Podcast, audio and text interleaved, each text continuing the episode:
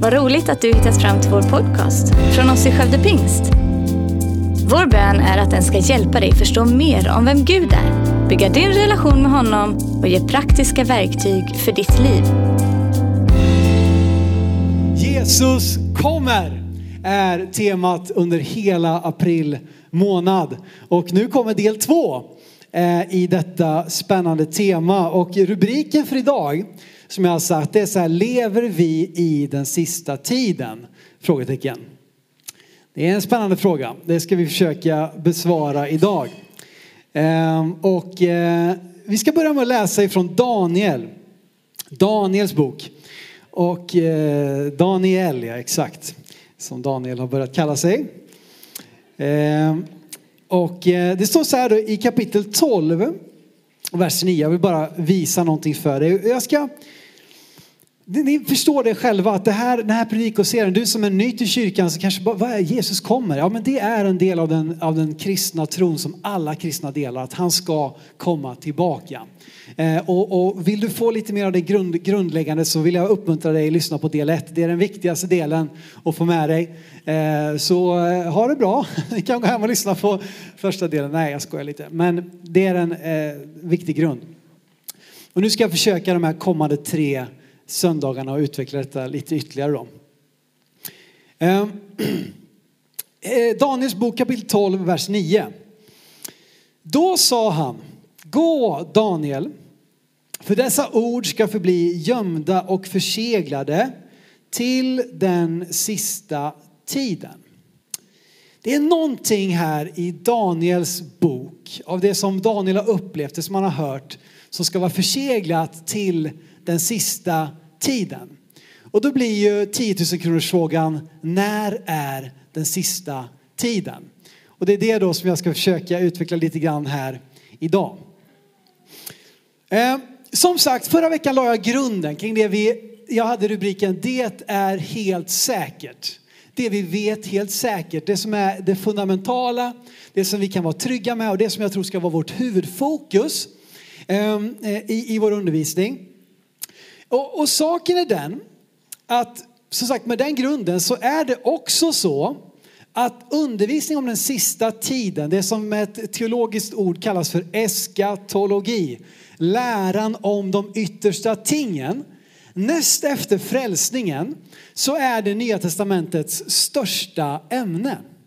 Det är läran om den yttersta tiden, den sista tiden. Så att näst efter frälsningen så är detta det största ämnet i Nya Testamentet. Så att det, det, det, det är klart att, att, att det borde intressera oss. Det borde uppta oss på något sätt. Ehm, I Matteus kapitel 24 och 25, i Markus 13, i Lukas 17 och i Lukas 21 håller Jesus långa tal om vad som ska ske när han ska komma tillbaka. Det är precis inför det att han vet att han snart ska dö, att han kommer spikas upp på ett kors även om de trodde att, eh, att det skulle ske på ett visst sätt så visste han att det var inte så som de hade tänkt. Så där har vi stora långa tal om detta. Paulus brev är fulla utav, utav hänvisningar och han berör detta hela tiden, framförallt i Thessalonike breven där han utvecklar detta ytterligare. Och så har vi naturligtvis den stora, mystiska, spännande, skrämmande, slutliga boken Uppenbarelseboken. Som det största exemplet i Nya Testamentet. Och som är ensam i sitt slag när det kommer till Nya Testamentets eh, texter. Det är bara den som betecknas som en profetisk, apokalyptisk text. Alltså Gamla Testamentet är ju fullt av profetböcker. Men i Nya Testamentet finns det bara en som på, liksom kan jämföras då, till exempel med Danielsboken där ju särskilt andra halvan brukar kallas för apokalyptisk eh, liksom text som alltså handlar om, om det slutliga, om änden, om det som ska komma. Det profetiska som, som talar både här och nu det är alltid så profeten i Gamla Testamentet, det talade till folket där och då. Och det talar också till, eh, vi ser så mycket av det som också talades ut av profeterna 4, 5, 6, 700 år innan Jesus föddes. Det uppfylldes i Jesus och det kan tala till oss idag. Och det är så med det profetiska i skriften, i Bibeln. Att det är lite som att kasta macka. Eh, ni vet när man kastar macka, du träffar en gång och så flyger det och så träffar det igen och så träffar det igen och så träffar det igen. Och jag tror det är som med det profetiska i skriften, att det kan finnas många uppfyllelser. Att det, det, och därför blir det också alltid relevant för oss att ta till oss hela skriften. Även om vi också såklart måste förstå hur det togs emot av de som läste det första gången. Det kan inte ha varit irrelevant för de som läste de här texterna första gången.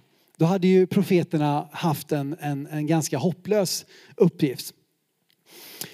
Eh, och min uppfattning är att trots omfattningen av Nya Testamentets undervisning om detta så tycks det ibland vara en begränsad grupp, både predikanter och troende, som, som liksom eh, tar den här frågan på allvar.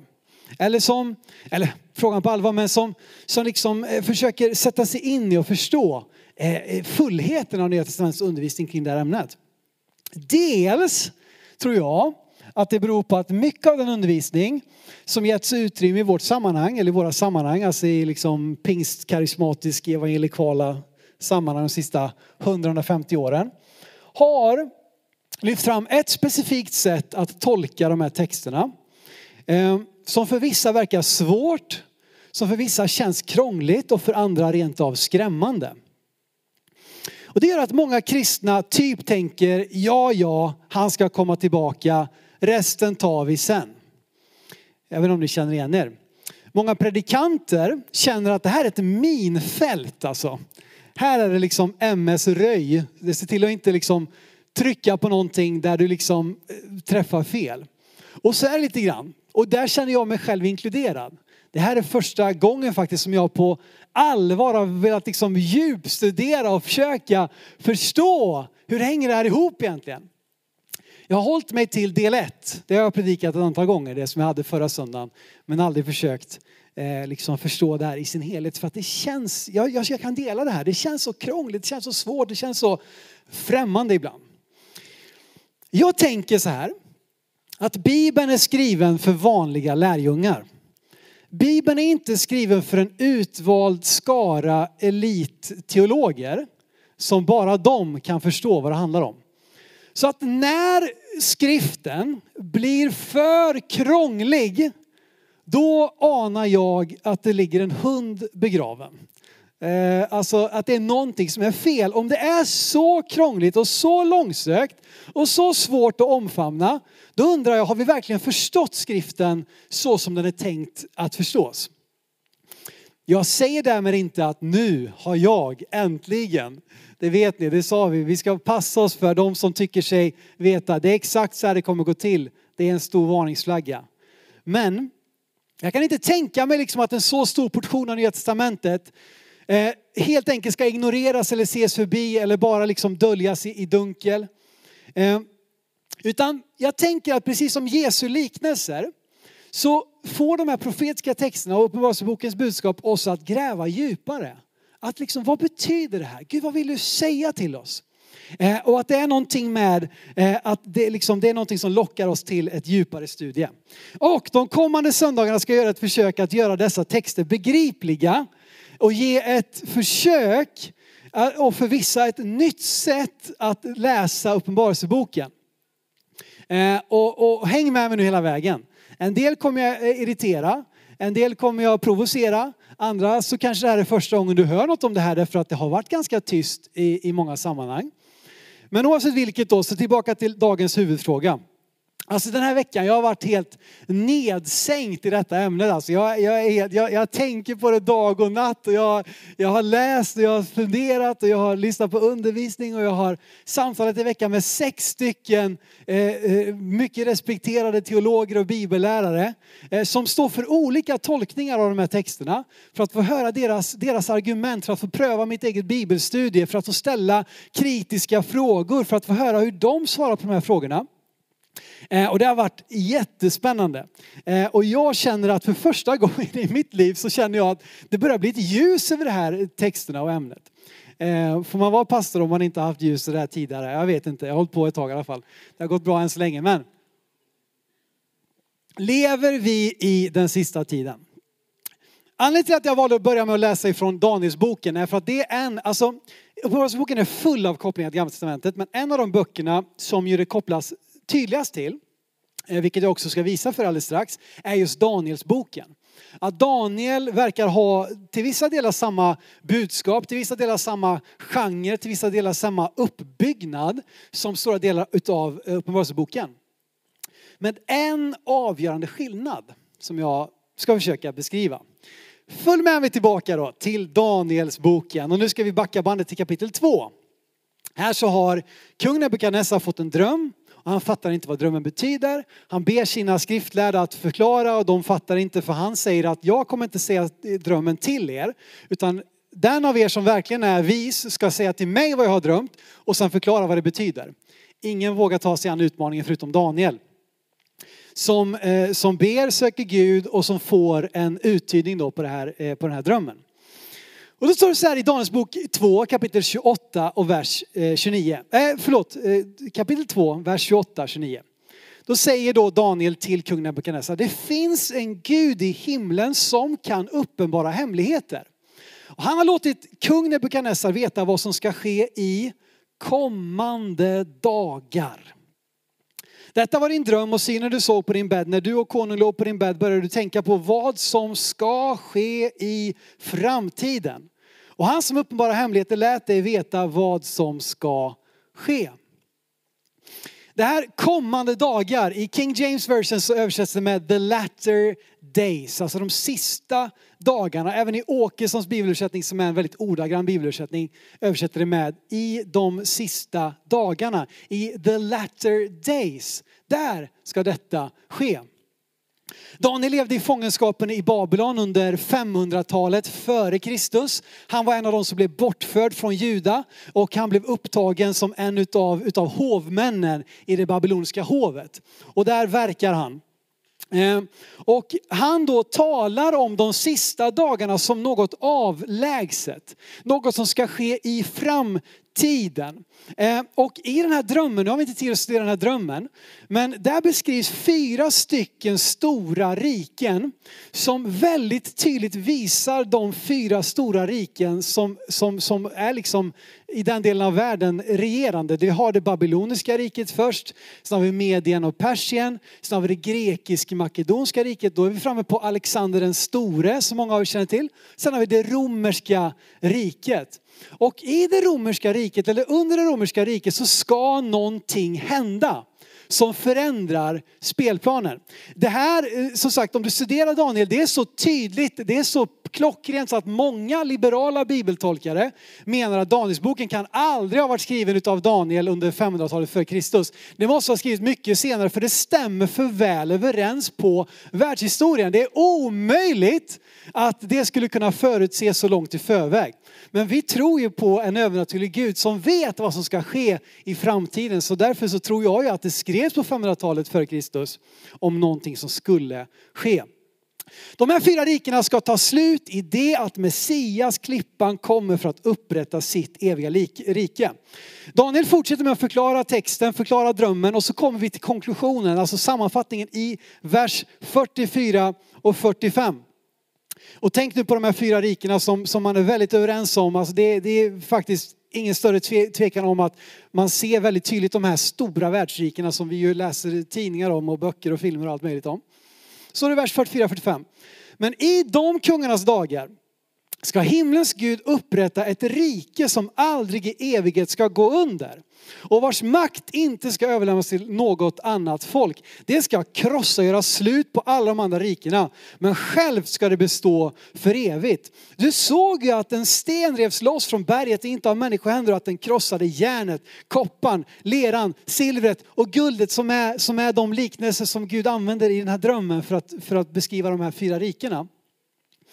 Den store guden har nu uppenbart för kungen vad som ska ske i framtiden. Drömmen är sann och tydligen tillförlitlig. Spännande. Någonting ska ske i det fjärde riket, att det ska komma en ny som ska upprätta, inte ett temporärt rike, utan ett evigt rike. Vet ni vem det är? Jesus, Människosonen, den smorde, Kristus, Messias, det är han som ska komma. Följ med mig nu, nu blir det mycket bibelord. Jesaja 9 kapitel 6 och 7. Ja men det läser vi på julafton säger du. Jo men det är relevant hela tiden. Eh, Jesaja 9, 6 och 7. Vem ska komma för att upprätta riket? Vem är det som ska upprätta ett rike utan slut? Vem ska sätta stopp för de orättfärdiga rikena och upprätta ett annat rike? Inte med mänsklig makt utan med Guds makt. Jo det är barnet som blir fött. Jesaja 9 kapitel eh, vers 6 och 7. För ett barn blir oss fött, en son blir oss given. På hans axlar vilar herradömet. Och hans namn är under, rådgivare, mäktig Gud, evig far, fridsfurstet. Så ska herradömet bli stort och fridet utan slut över Davids tron. Och hans rike det ska befästas och stödjas med rätt och rättfärdighet från nu och till evig tid. Herren Sebaos lidelse ska göra detta. Den som ska upprätta riket är alltså Messias, barnet som blir fött. Alltså en av de starkaste profetiorna om att Jesus ska födas. Eh, och han ska, på hans axlar vilar herradömet. Barnet kommer för att upprätta riket genom att försona världen med Gud. Och så föds så Jesus genom jungfru Maria och när han är runt 30 år kliver han ut i sin offentliga tjänst. Så nu hoppar vi fram till Nya Testamentet. Markus kapitel 1. För vad händer nu då? Det här som var förutsagt skulle ske i framtiden, ja det går nu i uppfyllelse. Och Jesus som är väl bevandrad, han kan de här texterna, han kan profetiska texterna, eh, alltså utan till. Som fick ju lära sig judiska pojkar att memorera i stort sett hela gamla testamentet utan till. Jesus och hans lärjungar var inget undantag. Så det är Markus kapitel 1 och vers 15. Jesus säger så här. Han sa, tiden är inne och Guds rike är nära. Omvänd er och tro på evangeliet. Han säger att Guds rike är nära, tiden är inne. Nu händer det framför era ögon, det ni har väntat på, det vi har bett om, det Daniel förutsade, det Jesaja förutsade. Vi kan, vi kan ha ett långt studie om alla profetior som Jesus uppfyller av gamla testamentet text. Och du som är kanske ny i tron, du tycker det här verkar märkligt. Men jag lovar dig, det finns så många klockrena profetior som alltså, så tydligt eh, uppfylls genom Jesus att det är spännande att studera. Men vad är det Jesus säger egentligen? Tiden är inne och Guds rike är nära. Återvänder till King James version då. Det, det är ju en av de mer respekterade bibelöversättningarna. Och där står det så här, the kingdom of God is at hand. At hand. Alltså det är någonting, vad det, vad det betyder, det grekiska betydelsen är, det är någonting som är på väg att anlända eller som nu anländer. Det är lite grann som du vet att man ropar på perrongen, snart ankommer tåg från Stockholm på väg till Göteborg. Det är liksom, det är någonting som just nu är på väg att ske. Det är någonting som är på väg att anlända, någonting är nära. Jag tror ju att Jesus talar om framförallt sin tjänst men det som är på väg att ske i och med hans eh, korsfästelse, uppståndelse, uppryckande och pingstdagen där anden utgjuts över allt folk. Ja men då är riket här. Riket är här. Guds rike har nu kommit. Barnet har upprättat riket som är utan slut. Inte ett rike som de andra rikena som blev bara övertagna av nästa stora liksom världsmakt. Utan ett rike som, som har med, med det inre att göra, som har med det andliga att göra, som har med evigheten att göra. Jesus Kristus. Eh, och se nu då, nu fortsätter vi här nu. Jag ska fortsätta ge dig liksom det här vandringen här nu. Vi går till apostlagärningarna då. Till den här pingstdagen, vad är det Petrus ställer sig upp och predikar? De vet ju inte vad de väntar. De vet att Jesus har lovat att sända hjälparen. Fadern ska sända sin hjälpare. Den helige ande ska komma över er. De är i bön i Jerusalem. Och så på pingstdagen sker det på pingstdagen sker det 50 dagar efter Jesu eh, uppståndelse så kommer pingsten och vi ser fram emot det om några veckor. Framåt här. Vad säger Petrus? Han kliver fram. Du vet, de, de, blir, de blir fyllda med heligande på sätt som människor undrar, vad håller de på med? Är de galna? Är de knäppa? Är de fulla? Så här på morgonen. Och se vad Petrus säger. Apostlagärningarna 2, vers 15 till 18. Petrus säger, det är inte som ni tror att de är berusade. Det är ju bara tredje timmen på morgonen, alltså det är klockan nio på morgonen. Eh, nej, det är detta som är sagt genom profeten Joel. Och se nu, och det ska ske i de, vilka då? Sista dagarna. Jaha. Det ska ske de sista dagarna, säger Gud, att jag utgjuter av min ande över allt kött. Era söner och döttrar ska profetera. Era unga ska se syner, era gamla ska ha drömmar. Jag över mina tjänare och tjänarinnor ska jag i de dagarna utgjuta av min ande så att de ska profetera. Petrus ser det som att nu har detta gått i uppfyllelse. Guds rike är nu här. Nu är de sista dagarna här. Det som blev profeterat och det som Joel såg att Guds ande skulle bli given över alla människor, inte bara prästen, profeten och kungen och de få utvalda som fick bära liksom ansvaret att vara, att vara folkets eh, talespersoner inför Gud i gamla testamentet. Så nu ska det ske, nu ska det utges över allt kött, över alla människor, unga, gamla, kvinnor, män. Alla ska kunna få del utav den helige ande och profetera och liksom kunna vara använda av Gud. Nu är de sista dagarna, nu är den sista tiden. Den inleds på pingstdagen och fortsätter till dess att Jesus kommer tillbaka. Och vet, ibland när vi talar om den sista tiden då får vi för oss att det bara ska handla om några sista fåtal år just i anslutning till Jesu, eh, till Jesu återkomst, alltså hans, hans verkliga konkreta återkomst. Och vi missar hela grejen. Det är för att den sista tiden, det är främmande för Nya Testamentet att det bara skulle beröra en, den sista generationen innan Jesus kommer tillbaka. Om vi studerar den sista tiden på det sättet då kommer vi komma snett i hela Nya Testamentets undervisning. Och låt mig visa det för dig. Paulus, eh, Petrus säger att det här har skett nu. Det ska ske de sista dagarna. Det sker, det är det ni har sett framför era ögon. Det är det som pingstdagens löfte och andens gåva är. Och låt mig bara fortsätta visa för er.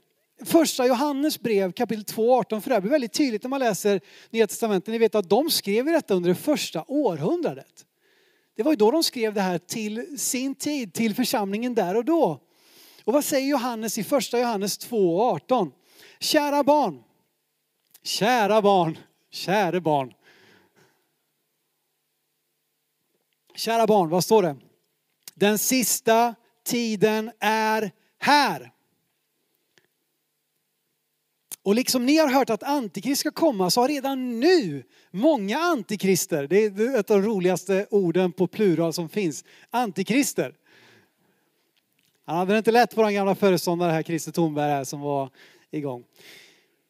Redan nu har många antikrister trätt fram. Av det förstår vi att den sista tiden är här.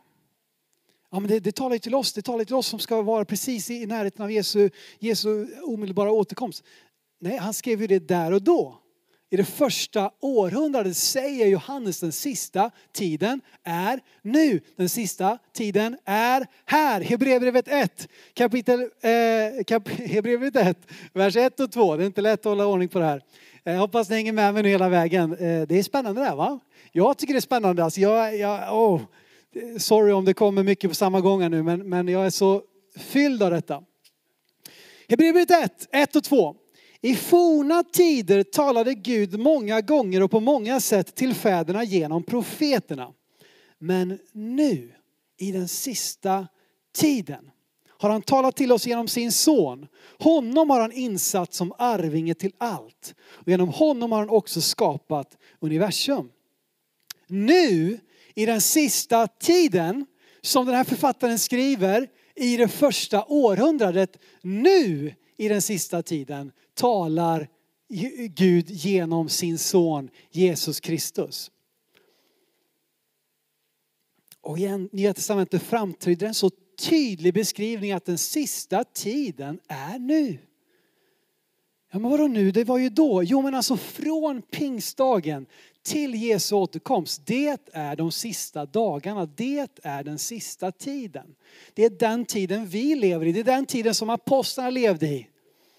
Och det är i den tiden, för denna tid, som Johannes får sina uppenbarelser i och visioner och syner i Uppenbarelseboken. Så om jag nu har svarat på den första frågan, lever vi i den sista tiden? Så vet ni vad mitt svar är på den och jag menar inte att det är mitt svar, jag menar att det är Nya Testamentets svar. Den sista tiden är nu. Den sista tiden är inte begränsad till en jättekort tidsperiod just innan Jesus kommer tillbaka. Den är en lång tidsperiod eh, som är bestämd eh, av Gud men inte för oss, inte som vi då vet. Och nu till min nästa fråga. Hur ska vi då läsa Uppenbarelseboken? För det är ändå sista boken i Bibeln. Det finns såklart en, en, en poäng och det talar ju absolut Uppenbarelseboken talar om den absolut sista tiden. Det talar om vad som ska hända när Jesus kommer tillbaka. Det talar om en ny himmel och en ny jord. Det talar om evigheten. Det börjar, det tar avstamp i där Johannes sitter på ön Patmos och det landar i den nya himlen och den nya jorden, i evigheten i himlen. Och hur ska vi då läsa Uppenbarelseboken? Ja, nu ska jag återigen koppla det till Danielsboken. då. Vi låter oss bara påminna om vad vi läste i Daniel kapitel 2. I vers 28 står det, det finns en Gud i himlen som kan uppenbara hemligheter. Han har låtit kung Nebukadnessar veta vad som ska ske i kommande dagar, eller då de sista dagarna, som jag försökte förklara för dig. I vers 45 i kapitel 2 står det, den store guden har nu uppenbarat för kungen vad som ska ske i framtiden. I Daniels bok har Gud visat kung Nebukadnessar vad som ska ske i de sista dagarna. I Daniels bok kapitel 2, vers 28 till 30 och vers 45 till 47. Jag förväntar mig inte att ni ska komma ihåg allt det här. Men i, de här, i det här sammanhanget utav den här, den här när, när, när Daniel tyder den här drömmen om de sista dagarna. I det sammanhanget så använder han fem gånger ordet uppenbara.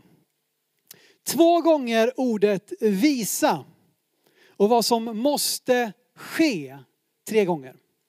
Uppenbara, visa vad som måste ske.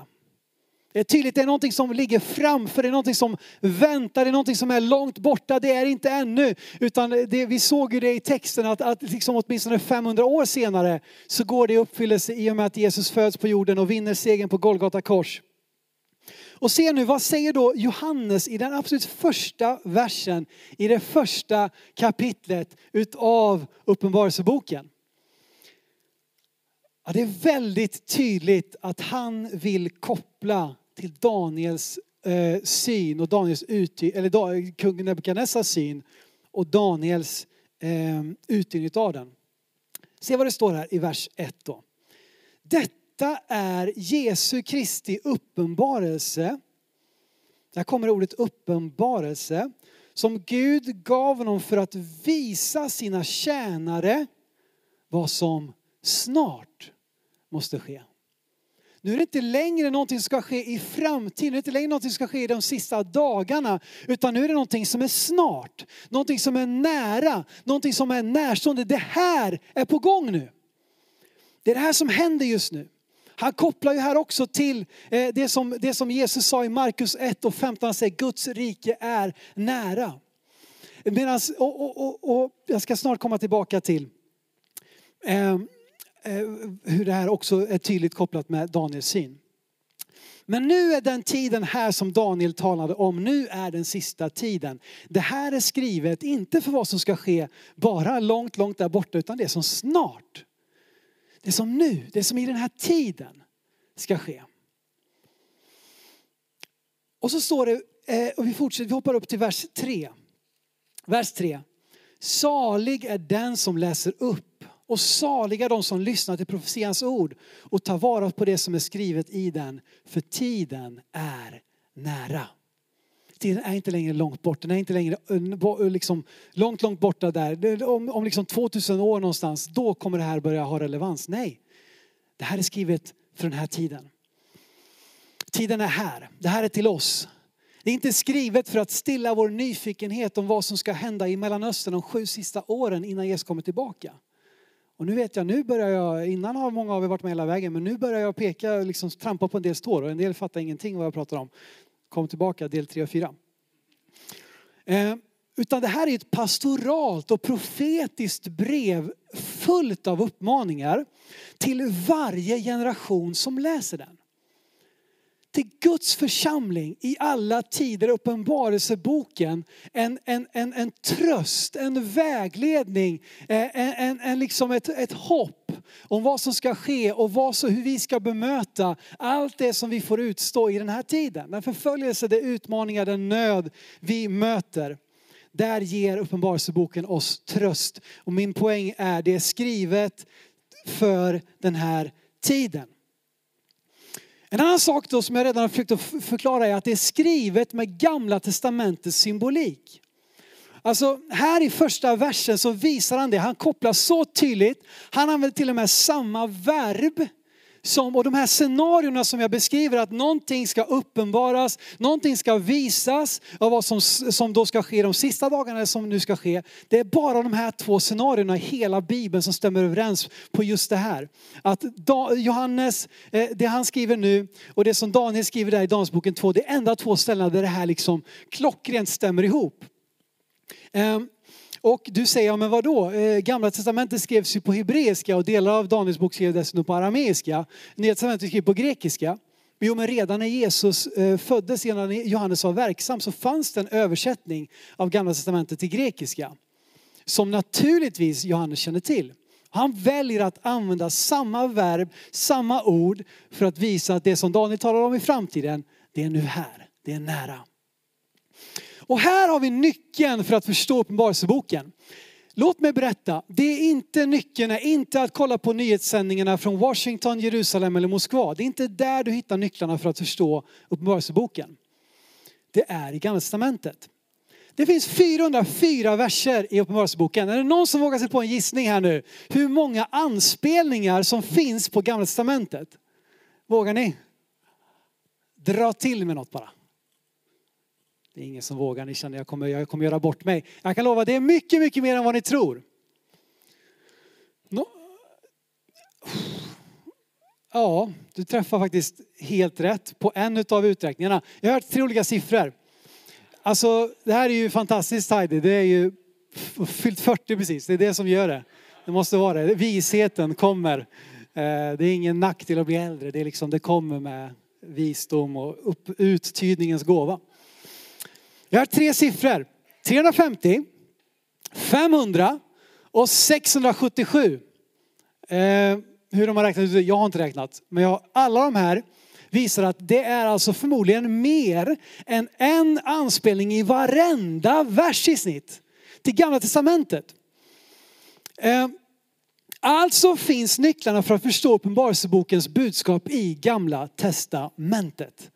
Där hittar vi symboliken, där hittar vi kopplingarna med profetiska texter. Där kan vi liksom få sättet att ta oss an och förstå och begripa eh, eh, eh, eh hela Uppenbarelsebokens budskap. Inte minst i, i berättelsen om uttåget ur Egypten. Hur de förs ut ur slaveriet, hur Gud dömer Egyptens folk och farao, hur de tas genom vildmarken för att komma in i det förlovade landet. I den berättelsen finns det jättemycket för att börja förstå Uppenbarelsebokens budskap. Och vad säger han då i den här första versen? Kan det vara så att Johannes själv ger oss nyckeln till att förstå Uppenbarelseboken i hans egna första vers? Ordet att visa, vi kanske kan få upp eh, Johannes eh, Uppenbarelseboken 1 och 1 igen där. Den, den, eh, och slänga upp det bibelordet också. Alltså som Gud gav honom för att visa det grekiska verbet deiknomi. Det används sju gånger i Uppenbarelseboken. Varje gång i bemärkelsen att ge en bildlig vision som Gud sedan tolkar symboliskt, alltså genom symboler. Gjorde det känt, det är det här grekiska ordet eh, semaino, det är detsamma som används i, i Daniels boken då. Kan det vara så att nyckeln till att förstå hela, hela Uppenbarelseboken är genom att se det som bildliga visioner av verkliga händelser med, med liksom, eh, förståelse, förklaringsnyckeln i Gamla Testamentet? Ja, jag, jag, tror att, att Johannes eh, eh, liksom ger oss nyckeln redan i inledningen av hela den här boken. All right. Det är skrivet med Gamla Testamentets symbolik. Vi är på väg snart och, och eh, landa in där. Det är skrivet till Guds församling. Låt oss läsa eh, eh Johannes egna ord här då ifrån vers 4 till början av vers 5. Från Johannes till de sju församlingarna i Asien. Nåd vare med dig, frid från honom som är och som var och som kommer och från de sju andarna framför hans tron. Och från Jesus Kristus, det trovärdiga vittnet, den förstfödde från de döda och härskaren över jordens kungar. Vem är det skrivet till? Det är skrivet till de sju församlingarna i Asien. Som vi sen då får personliga hälsningar till i kapitel 2 och 3 har vi sju stycken brev till sju olika församlingar. Två var kanon, tre var mediokra och två var på väg rakt, liksom, rakt utför. Eh, ganska bra beteckning tror jag av Guds församling i alla tider. Om man ska vara så. De är mottagarna av hela boken. Inte bara de tre första kapitlen. Här ser vi också siffrors betydelse i hela brevet. Varför just sju församlingar? Det är ingen slump. Och talet sju är ett av de tal som kommer tillbaka mest flest gånger. Vad står sju för då i Gamla testamentets symbolik? Jo, fullbordande, fulländad. Gud skapade skapelsen på sju dagar. Då var det fulländat, det var fullbordat. Genom hela Bibeln så används talet sju för att tala om någonting som är fulländat, något som är fullbordat. Eh, och det är alltså sju församlingar. Jag tror att det visar oss att det är skrivet till alla församlingar. Till Guds församling av alla tider. Det är skrivet till de sju församlingarna som är mottagare av brevet. Men det är också relevant för alla församlingar av alla tider. Så kan vi läsa Uppenbarelsebokens text precis som vi läser Galaterbrevet, som vi läser Efesierbrevet, som vi läser Filipperbrevet. Det här talar till oss. Det här är till oss. Det här har ett budskap. Det betyder någonting för de som läste det första gången. Det betyder någonting för oss idag. Det har betytt någonting för de kristna som läste det på 1400-talet, på 1600-talet, på 1800-talet. Och det talar till oss också Också här och nu. Och det säger det i kapitel 2 och 3 så avslöjas varje hälsning till de specifika församlingarna med du som har öron, hör vad anden säger till församlingarna. Och jag tror som sagt att vi ska läsa Uppenbarelseboken precis som vi läser de övriga breven. Det är ju ett brev. Vi har kallat det Uppenbarelseboken och det har en annan genre. Det är profetisk apokalyptisk text. Och vem är det från? Ja, det är från Gud själv. Det stod ju här, vad stod det? Det är från han som var, som är och som kommer. Gud själv. Från Jesus Kristus, det trovärdiga vittnet, den förstfödde från de döda. Och från de sju andarna. Vad, vad är de sju andarna? Ja, kan det vara så att det talar om fullheten utav Guds ande? Att det är den helige ande. De sju andarna är hela Guds ande. Och vi får också en hänvisning tillbaka till Sakarja kapitel 4. Där sju lampor representerar en ande. Och de säger att när ni ska bygga det här templet så är det inte genom människans styrka eller kraft det ska ske utan genom min ande säger Herren. Kan det vara så att han vill säga det här templet som vi nu bygger, där vi som troende är ett tempel för den helige ande, där behöver vi den helige ande för att kunna bygga det templet som nu är precis som de behövde den helige ande för att kunna bygga det andra templet som Zerubabel var med och, och utförde. Vi behöver en helige ande. Han är livsviktig i byggandet av templet som är Jesu lärjungar i nya förbundet. Låt oss läsa till sist nu då, andra halvan av vers 5 och fram till början på vers 7. Vad står det? Det står också där ju, för, förlåt mig, bara härskaren över jordens kungar. Kommer ni ihåg? Det skulle komma någon som skulle krossa de tidigare rikena och skulle upprätta ett nytt rike som är utan slut, som är fridsvälde. Och här säger han igen, han är kung. Han är härskaren över jordens kungar. Det säger han om Jesus Kristus där och då. Och sen då de här underbara fortsättningen på vers 5.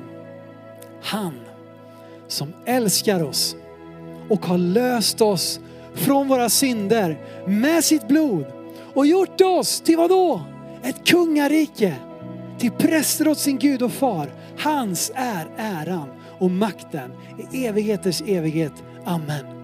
Se, han kommer med molnen och varje öga ska se honom. Hela det första kapitlet så är det bara en vers som talar om att Jesus kommer tillbaka. Kanske att det ger oss en nyckel för att förstå hela Uppenbarelseboken. Och, och bli inte för uppretad av mig på grund av allt du tidigare har tänkt och läst. Och jag säger inte att jag har den fulla sanningen. Men jag hoppas att skriften börjar ge ljus över hur vi ska ta emot det här budskapet.